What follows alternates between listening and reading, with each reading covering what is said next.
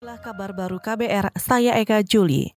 Wakil Presiden Yusuf Kala menyebut penambahan pembangkit listrik perlu dilakukan agar tidak ada lagi beban gardu-gardu listrik yang akhirnya membawa masalah. Menurutnya, kejadian padamnya listrik minggu pekan lalu karena lantaran beban listrik yang berlebih di sejumlah wilayah dan tidak bisa dipenuhi oleh satu pembangkit saja. Yusuf Kala khawatir jika pembangkit selalu kelebihan beban, bukan hanya akan terulang kejadian blackout seperti kemarin, tapi juga akan terjadi korsleting listrik. Kejadian ini seperti domino efek. Kejadiannya kalau menurut apa yang saya baca dari dan apa yang oleh FPD, itu kecil saja. Tapi memutuskan transmisi sehingga hmm. transmisi utara dari timur ke barat terpotong. Akibatnya di Jawa di Jawa Barat dan DKI bebannya melebihi daripada kapasitas. Bebannya besar, jatuh di pembangkit. Pindah beban ke pembangkit yang lain, jatuh lagi.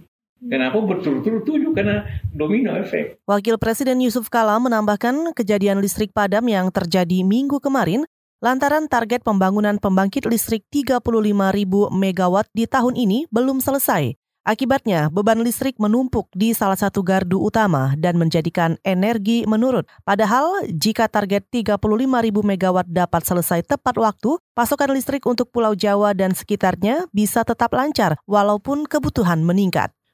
Saudara Pelaksana Tugas Direktur Utama PT PLN Persero Sri Penny Inten Cahyani berjanji akan memberikan kompensasi kepada 21,9 juta pelanggan di wilayah terdampak pemadaman listrik yang terjadi minggu pekan lalu. Sri Penny mengatakan PLN akan memberikan kompensasi sebesar 839 miliar rupiah sesuai dengan peraturan Menteri ESDM dan Sri Penny juga memastikan besaran potongan biaya listrik itu akan diberikan kepada pelanggan subsidi dan non-subsidi. Kalau besaran kompensasi sudah diatur oleh pemerintah melalui Permen ESDM dan PLN e, menghitungnya sesuai dengan ketentuan tersebut ya. Untuk 21 yang terkena dampak adalah 21,9 juta. pelanggan dengan total 839 miliar rupiah bagi pelanggan yang subsidi kenakan diskon 20% dan kemudian pelanggan non subsidi 35% dari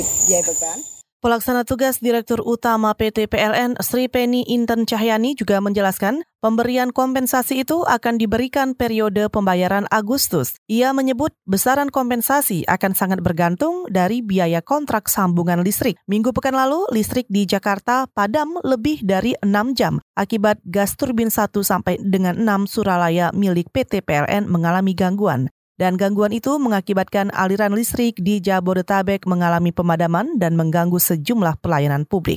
Saudara pemerintah memutuskan mengembalikan hak dokter gigi Romi Shofa Ismail sebagai calon pegawai negeri sipil di Kabupaten Solok Selatan, Sumatera Barat. Wakil Gubernur Sumatera Barat Nasrul Abid mengatakan kasus yang menimpa Romi sudah ditutup atau sudah selesai meski masih akan terus dikawal hingga keluarnya surat keputusan calon PNS-nya. Nasrul meminta pemerintah daerah belajar dari kasus Romi dan membuat lebih rinci peraturan terkait seleksi CPNS agar tidak salah menafsirkan undang-undang.